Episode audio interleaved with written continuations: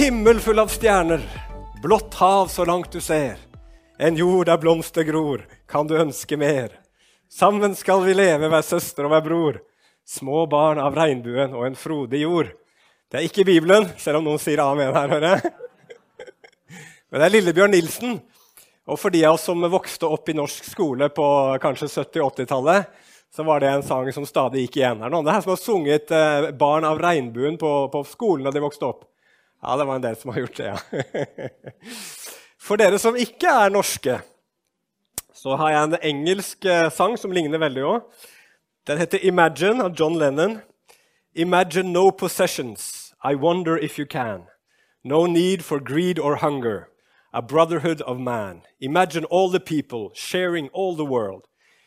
You may say I'm a dreamer, but I'm not the only one. I hope someday you'll join us, and the world will live as one. Det er heller ikke Bibelen, som sagt. Dette her er uh, Imagine, og det er ikke en kristen sang i det hele tatt. Men jeg siterer disse sangene til å begynne med. Disse gamle sangene, syns kanskje noen.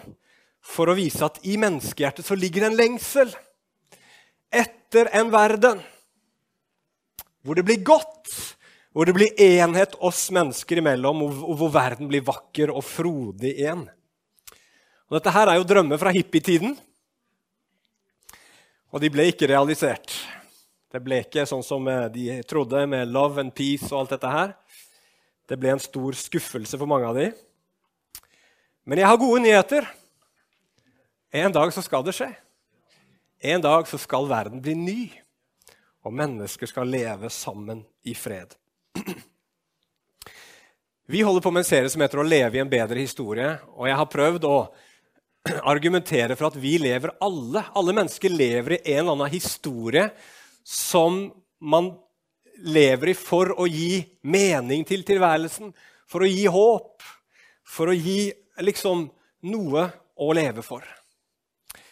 Men disse historiene som vi mennesker lever i, om det er materialisme, om det er en annen religion, eller hva det skulle være, så er det historier som ikke stemmer med virkeligheten, og som ender opp med å skuffe mennesker. De gir ikke det de lover. Og vi ser det nå i samfunnet vårt, at materialismen, som har drevet så mange mennesker, som så mange mennesker har levd for gjennom de siste tiårene, den holder på å svikte nå. Og mennesker kjenner det. Vi blir redde, vi blir bekymra. Ikke bare for at vi liksom er redde for hva vi skal leve av, men vi har plutselig ikke noe, noen ting å leve for lenger. For den der drømmen om at alt skal bli bedre, vi skal få flere og bedre og nyere ting, den ser ikke så realistisk ut lenger. Men vet dere hva? det fins en historie som man kan leve i, som er sann. Og det er Bibelens historie. Den stemmer med virkeligheten, og den svikter ikke. Det er gode nyheter for dette livet og for livet etter døden. Og det har jeg prøvd å vise i denne serien. Jeg håper at eh, Jesus har fått stråle fram, og at Guds historie har fått truffet hjertene deres. Og nå har vi kommet til avslutningen. Vi holder på å snakke om at det er Jesus som er løsningen, det er Jesus som er håpet. Og Jeg har sagt tidligere at Jesus han er den som renser oss, sånn at vi kan være sammen med en hellig Gud. Jesus er den som gjør oss rettferdige, sånn at vi kan gå fri fra Guds dom, Guds rettferdige dom. Og I dag har jeg lyst til å snakke om hvordan Jesus helbreder oss. Ikke bare for dette livet, men mest av alt hvordan han helbreder hjertene våre og gjør oss helt nye. Så tittelen i dag det er den aller korteste jeg noensinne har hatt. Enda kortere enn den som heter Ren. I dag er det Ny. Ny er tittelen i dag. Gud vil gjøre alle mennesker nye, sånn at vi kan leve på en ny jord, en ny himmel, som Gud en dag skal skape. Og Jeg har lyst til å snakke i dag om den nye fødselen. Og Vi skal se på hvorfor du trenger å bli født på nytt, hva det vil si å bli født på nytt, og til slutt hvordan du blir født på nytt. Og For å finne ut av det så går vi til Jesu ord i Johannes evangelium kapittel 3. Har du Bibelen klar, så, så slå gjerne opp der. Og vær, ha Bibelen åpen på det skriftstedet, for jeg kommer til å referere litt til det underveis. Johannes evangelium kapittel 3, vers 1-16. Der står det. Det var en mann som het Nikodemus. Han var fariseer og en av jødenes rådsherrer.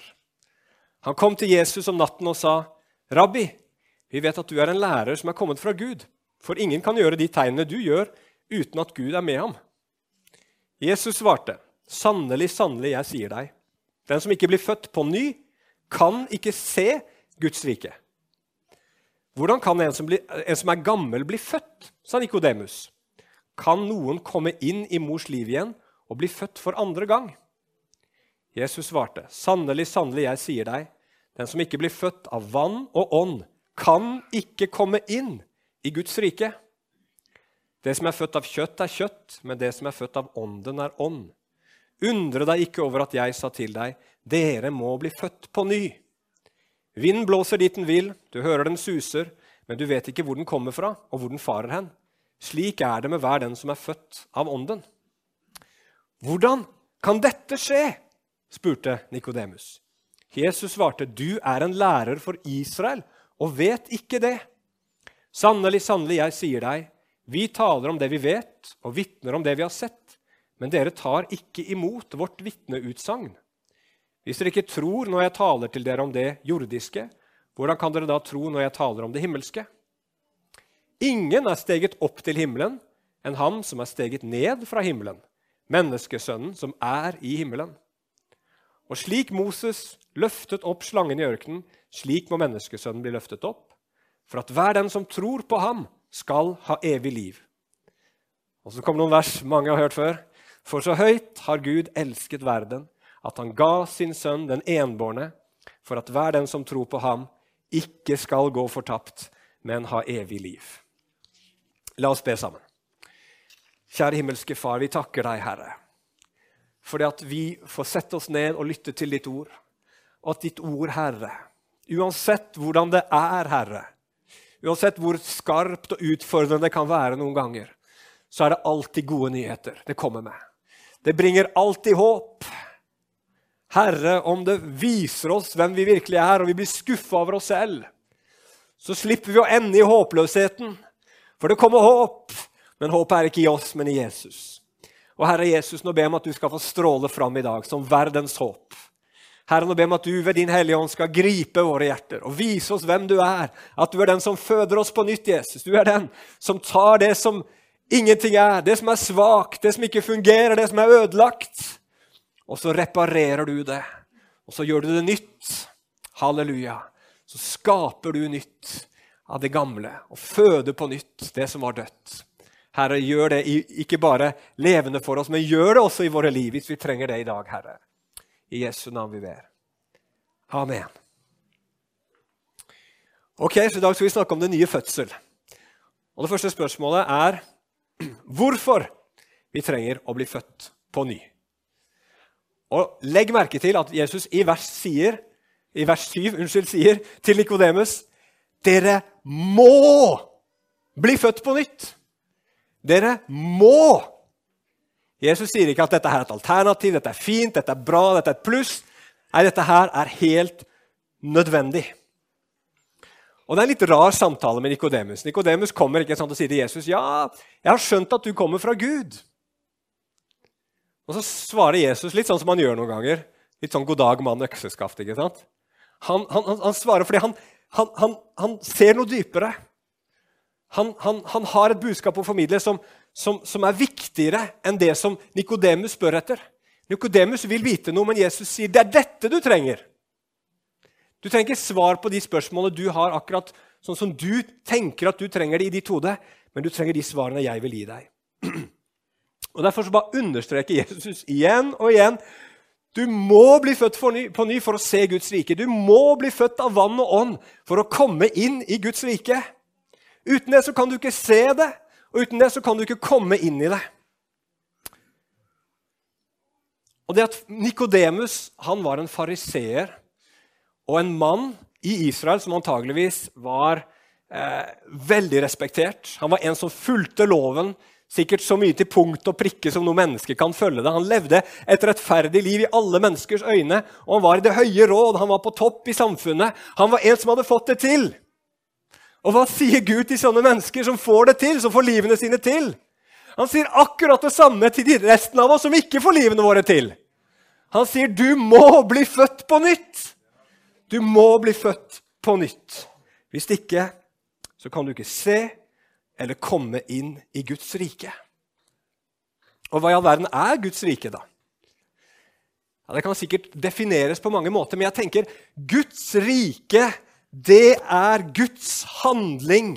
Det stedet Gud er, det stedet Gud kommer, i fortid, i nåtid, i framtid, for å redde og frelse verden.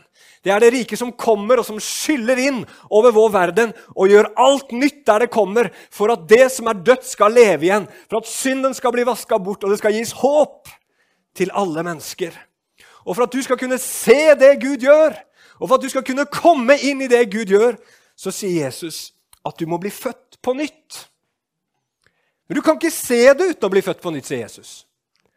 Jeg vet ikke om dere vet at det fins noe som heter infrarødt og ultrafiolett lys. Det er lys som du og jeg ikke kan se. Menneskelige øyne kan ikke se det.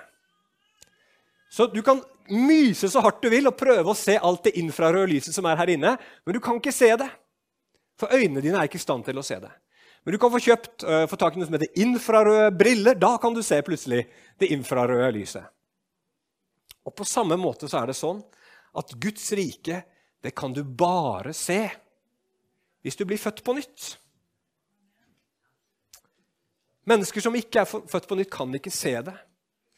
Og Derfor så tror jeg det er sånn at det er mange mennesker, lærde og ulærde, som misforstår kristen tro. Noen forvrenger kristen tro. Noen vil forandre kristen tro. Men det er fordi de har ikke forstått det. De har ikke sett det. De har ikke blitt født på nytt. For det er den eneste måten du kan forstå hva Guds rike er på. Og Så sier Jesus at du kan ikke komme inn Nikodemus har tydeligvis forstått et eller annet om Jesus. Han skjønte at han var en slags profet, kanskje han skjønte at han var kommet fra Gud. Men det var ikke nok. Og Mange mennesker i dag er fascinert av Jesus, syns han var en fin person. Noen er interessert i en eller annen form for kristendom, kanskje. Og Noen tror til og med at kristendom er sant, at det er rett og godt osv. Men det er ikke nok for å komme inn i Guds rike, sier Bibelen. Du må bli født på nytt. Hvorfor må du bli født på nytt for å komme inn i Guds rike? Jeg skal svare på det ved å gå til punkt nummer to hva det er å bli født på nytt.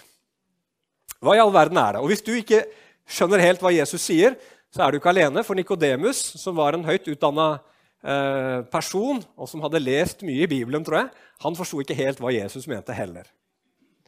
Han tenkte at det var fysisk. ikke sant? Ja, Kan jeg komme inn i mammas mage en gang til? Nei, det er ikke det Jesus snakker om. Og Mange mennesker i dag tenker også at når Jesus sier at du må bli født ved vann og ånd, så handler det om dåpen. Men det er nok ikke det heller, selv om dåp er viktig for all del. Men Jesus han sier at det er noe som Nikodemus burde ha forstått. Du, du, ser det på han, han blir litt, sånn, litt oppgitt. ikke sant? Altså, Nikodemus, du er lærer i Israel. Du burde forstå det her. Dette her. Du har lest Det gamle testamentet mange ganger. Dette burde du forstå. Med andre ord så sier Jesus dette her som jeg snakker om, er noe som Det gamle testamentet snakker om. Og Hvordan i all verden finner man dette her i Det gamle testamentet? Jo, Tenk litt over det, du som er en eh, ivrig bibelleser. Hvor i Det gamle testamentet finner du ordene vann og ånd, eller vind? Det kan også oversettes vind, kombinert. Ja, jeg hørte det her. Skapelsen. Da Gud skapte himmel og jord, så står det at Guds ånd svevde over vannene. Og så sa Gud, det blir lys. Men det er ikke det eneste stedet. De fleste har hørt historien om Noah. Var det vann i historien om Noah? Veldig mye vann i historien om Noah. Men det ikke alle sammen vet om, at det var vind også. For det begynte å blåse etter at liksom hele jorden hadde blitt oversvømma. Og så var det den vinden som gjorde at vannet tørka opp, og så ble jorda ny. Den ble nyskapt. Det gamle ble borte, og så kom det noe nytt. Og så er det Et annet eksempel også i Bibelen, i Det gamle testamentet, hvor det er vann og vind til stede. Og Det er da Israelsfolket kommer ut av Egypt. Og De blir forfulgt av faraos hær, og så står de ved Rødehav eller Sivsjøen eller eh, hva det står i de forskjellige biblene.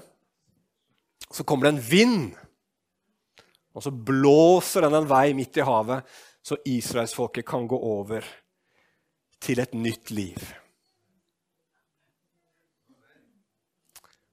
Så hva er det Gud gjør i alle disse tilfellene? Han skaper noe nytt. Han skaper noe nytt. Han tar der hvor det er død, der hvor det ikke er noen ting, og så skaper Gud noe nytt. Og La meg vise dere siste, et siste sted i Bibelen. I Esekiel 36, vers 25-27, der finner vi også disse ordene vann og ånd. Og Her blir det enda mer konkret.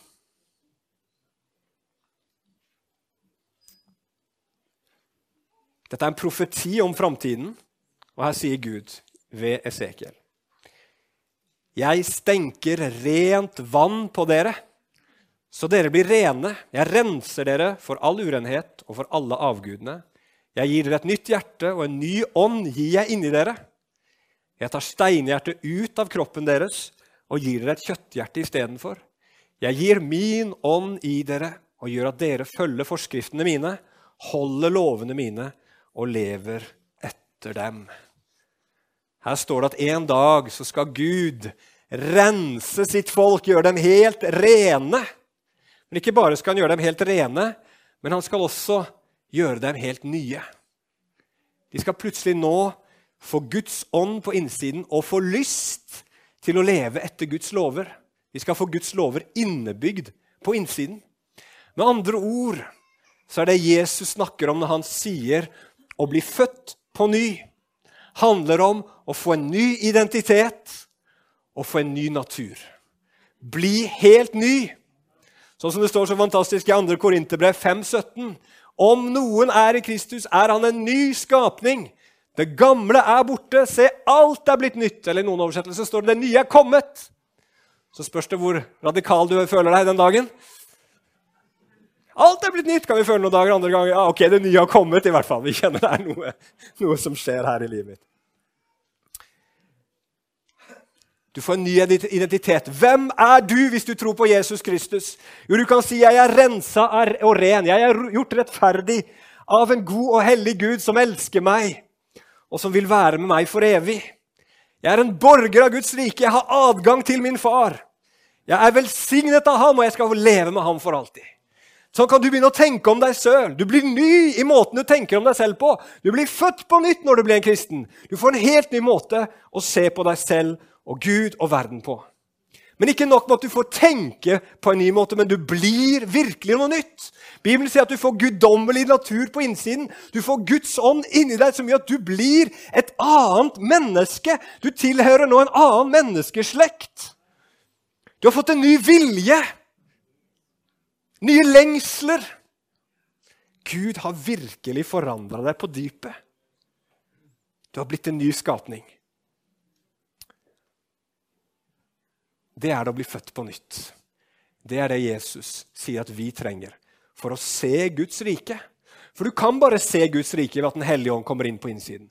Da åpnes øynene dine. Da ser du det som ikke menneskelig tanke og forstand kan se. Og bare da kan du komme inn i den nye verden som Gud skal skape, inn i Guds rike. Jeg nevnte til å begynne med at vi mennesker vi lengter etter en forandra verden. En verden hvor vi lever sammen i fred. Og vi skjønner at et eller annet må skje med menneskeheten. Noe må forandres med oss. Skal det bli mulig? Men vi mennesker har en tendens til å tenke, du og jeg, at det problemet er ikke her inne, men det er der ute. Ja, det er samfunnsstrukturene som er problemet. Eller som John Lennon sier i Imagine, som jeg siterte til å begynne med, det er religion som er problemet. Eller andre mennesker tenker at det er teknologien som er problemet. Det er derfor det ikke er så godt i, i samfunnet lenger. Eller at det er visse menneskegrupper, veldig ofte de rike og mektige, som er problemet. Eller andre kulturer kan man skylde på osv. Men alt annet enn meg tenker vi er problemet. er det noen som kjenner seg igjen? Jeg, jeg, vet at jeg ikke er perfekt, men jeg er da ikke så ille. Jeg kan nok sikkert bli litt bedre, men det er ikke jeg som er problemet. Uh, jeg, jeg, søkte litt på Internett for å få liksom litt sånn tanker og høre hvordan mennesker tenker om dette problemet vi mennesker har. Og Så kom jeg over en som het Paul Watson. Han er en sånn evolusjonær biolog i USA. Og Han sa nei, nei, nei, det er problemet er større enn som så. sa han. Det Problemet fins i genene våre. Han sier vi er egoistiske i genene våre, sa han. Som gjør at vi blir destruktive. Vi tenker bare på oss sjøl, og så ødelegger vi andre ting rundt oss for å liksom sørge for våre egne behov. Så hans løsning var å begynne å tukle med genene våre. Jeg tror ikke det er noen god idé. Jeg håper inderlig ikke at han får noe særlig gehør noen plass. Uansett så tror jeg ikke det kommer til å fungere så veldig bra. Men jeg tror, jeg tror det, det, det fins en helt annen måte å forstå dette problemet på, som Bibelen viser oss, og som en som heter G.K. Chesterton, som dere har hørt om, eh, la fram på en veldig flott måte på begynnelsen av 1900-tallet. Han var en kjent skribent, kristen mann, i, i England.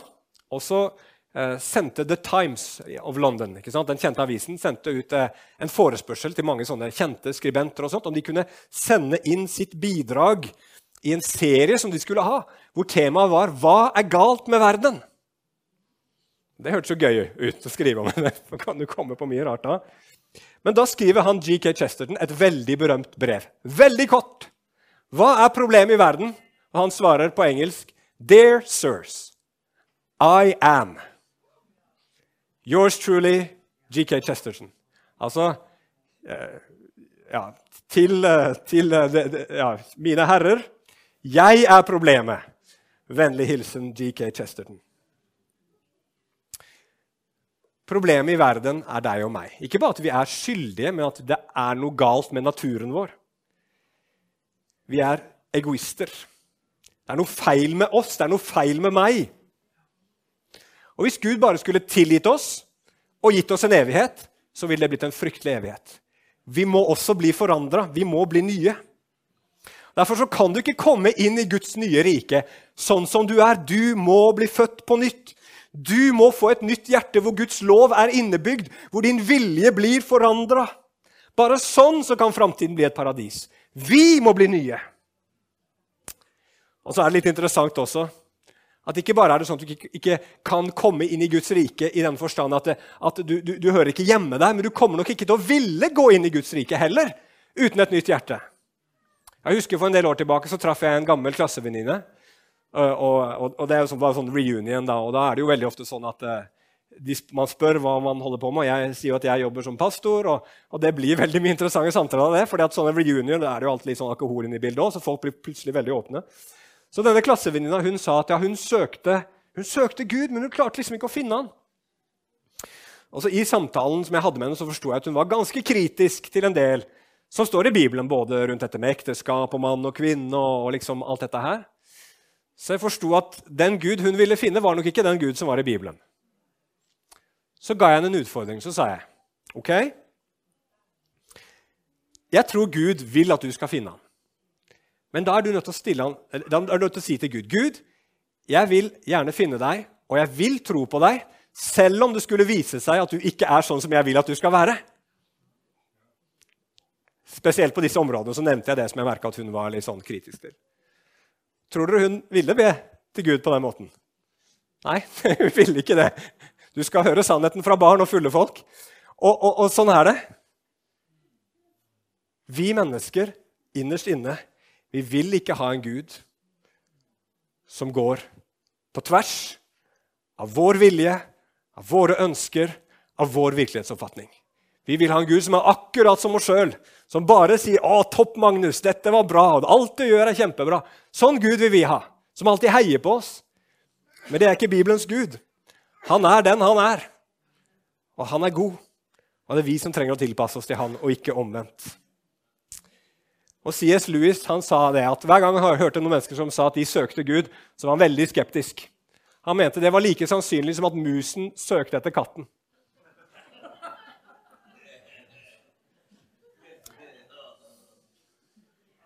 Vi gjemmer oss naturlig for Gud.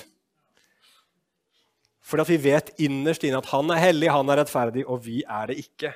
Og da er vi i trøbbel. Men når du blir født på ny, da får du et nytt hjerte som elsker Gud. Da får du et nytt hjerte som ønsker å være med Gud. Da får du et nytt hjerte som ønsker å bøye seg for Gud, og som ønsker å være evig sammen med Gud. Derfor så sier Jesus du må bli født på ny. Og så er spørsmålet da hvordan blir man født på ny? Hvor mange her inne fødte seg selv? Bare sjekke det. Det var ingen. Jeg må si jeg er ikke så veldig overrasket. Men det er akkurat det samme med det å bli født på ny. Du kan ikke gjøre det heller selv. Det er ikke noe du kan få til selv. Det er noen andre som må gjøre. Og Bibelen sier at det er det Gud som gjør. Det er Gud som føder oss på ny. Og Når eh, Nikodemus spør Jesus om dette, her, så snakker Jesus om sin egen død på korset. Så Det er den første siden. Du kan bare bli født på ny gjennom det Jesus har gjort på korset. Der tar han bort skylden, skylden og synden som skiller oss fra Gud. Og når den synden er vekke, da kan Guds hellige, rene ånd komme inn i ditt hjerte og gjøre deg ny på innsiden. Da kan du bli født på nytt. Det er et verk av korset og Ånden. Jesus, Sønnen og Den hellige ånd føder deg på nytt. Men det fins litt mer å si om det her. For å gjøre det konkret, hvis du tenker hvordan kan jeg bli født på nytt? Jakobs brev kapittel 1 vers 18 sier om Gud av sin egen vilje har han født oss ved sannhetens ord, for at vi skal være en førstegrøde av dem han har skapt. Førstegrøde det forteller at når du blir født på nytt, så er du begynnelsen. Du er liksom første innhøstning av det nye som Gud skal gjøre en gang i framtiden. Gud har allerede begynt å skape verden på nytt, og han begynner med deg, inni ditt hjerte. Men det er dette her med at vi blir født ved sannhetens ord jeg er ute etter. Samme her i 1. Peters brev 1,23. For dere er født på ny, ikke av forgjengelig sted, men av uforgjengelig, ved Guds levende ord, som er og blir. Det står her at du og jeg blir født på ny av Guds ord. Med andre ord at vi hører budskapet om hvem Gud er, og hva han har gjort, og tar det imot. En illustrasjon jeg liker, det er hvis du har to egg. Så kan det være ett egg som det er liv i, og ett egg som er dødt. Ett egg er befrukta, det andre er ikke befrukta. Hva er forskjellen på de to eggene? Jo, det ene egget har fått informasjon og tatt imot informasjon som det andre ikke har fått. DNA har kommet fra hanen til høna og befrukta egget. I det ene tilfellet. I det andre tilfellet har ikke det skjedd. Alt liv skapes ved at informasjon DNA det er informasjon. Dere vet det er arvestoffet i kroppen vår. Alt liv skapes ved at informasjon kommer og tas imot. Da blir det nytt liv. Da blir en, en, en eggcelle befrukta i en livmor. Det er ny informasjon som kommer inn. Og så blir det liv. Og det bildet der passer utrolig godt på hvordan det er med Guds ord òg. For Bibelen er informasjon ifra Gud som du kan velge å ta imot og få det nye livet og bli befrukta på innsiden, eller som du kan velge å avvise, og da er du død. Så hvordan tar du det imot, da? Hvordan blir ditt hjerte helbreda? Hvordan blir du ny? Jesus han bruker en veldig flott illustrasjon her som vi skal ta avslutningsvis. Han sier at på samme måte som slangen ble løfta opp i ørkenen, så skal menneskesønnen bli løfta opp. Jeg vet ikke hvor mange av dere som har sett dette symbolet her før. Et slags eh, kors med en stav og en slange som slynger seg rundt denne staven. Dette her finner du på sykebiler mange steder i verden, på sykehus. For det er liksom et, et, et symbol på, på medisin og medisinsk hjelp. Og Det er henta fra historien i 4. Mosebok, hvor israelsfolket blir bitt av giftige slanger. De blir syke, de holder på å dø. Og Så sier Gud til Moses at han skal ta en slange, lage en slange av, av bronse, sette den på en stav og løfte den opp. Og så er det sånn at alle som ser på den slangen, de blir helbreda. Og så sier Jesus det er på samme måten med meg. Hvordan blir du helbreda? Hvordan blir du født på nytt? Jo, du må lytte til legen Jesus. Du må akseptere hans diagnose. At du er syk. Det er noe feil med deg, det er noe feil med meg. Vi er syndere. Og vi kan ikke redde oss selv, vi kan ikke gjøre det selv, vi kan ikke forandre oss selv. Uansett hvor mange selvhjelpsbøker du kjøper, så kan du ikke bli forandra.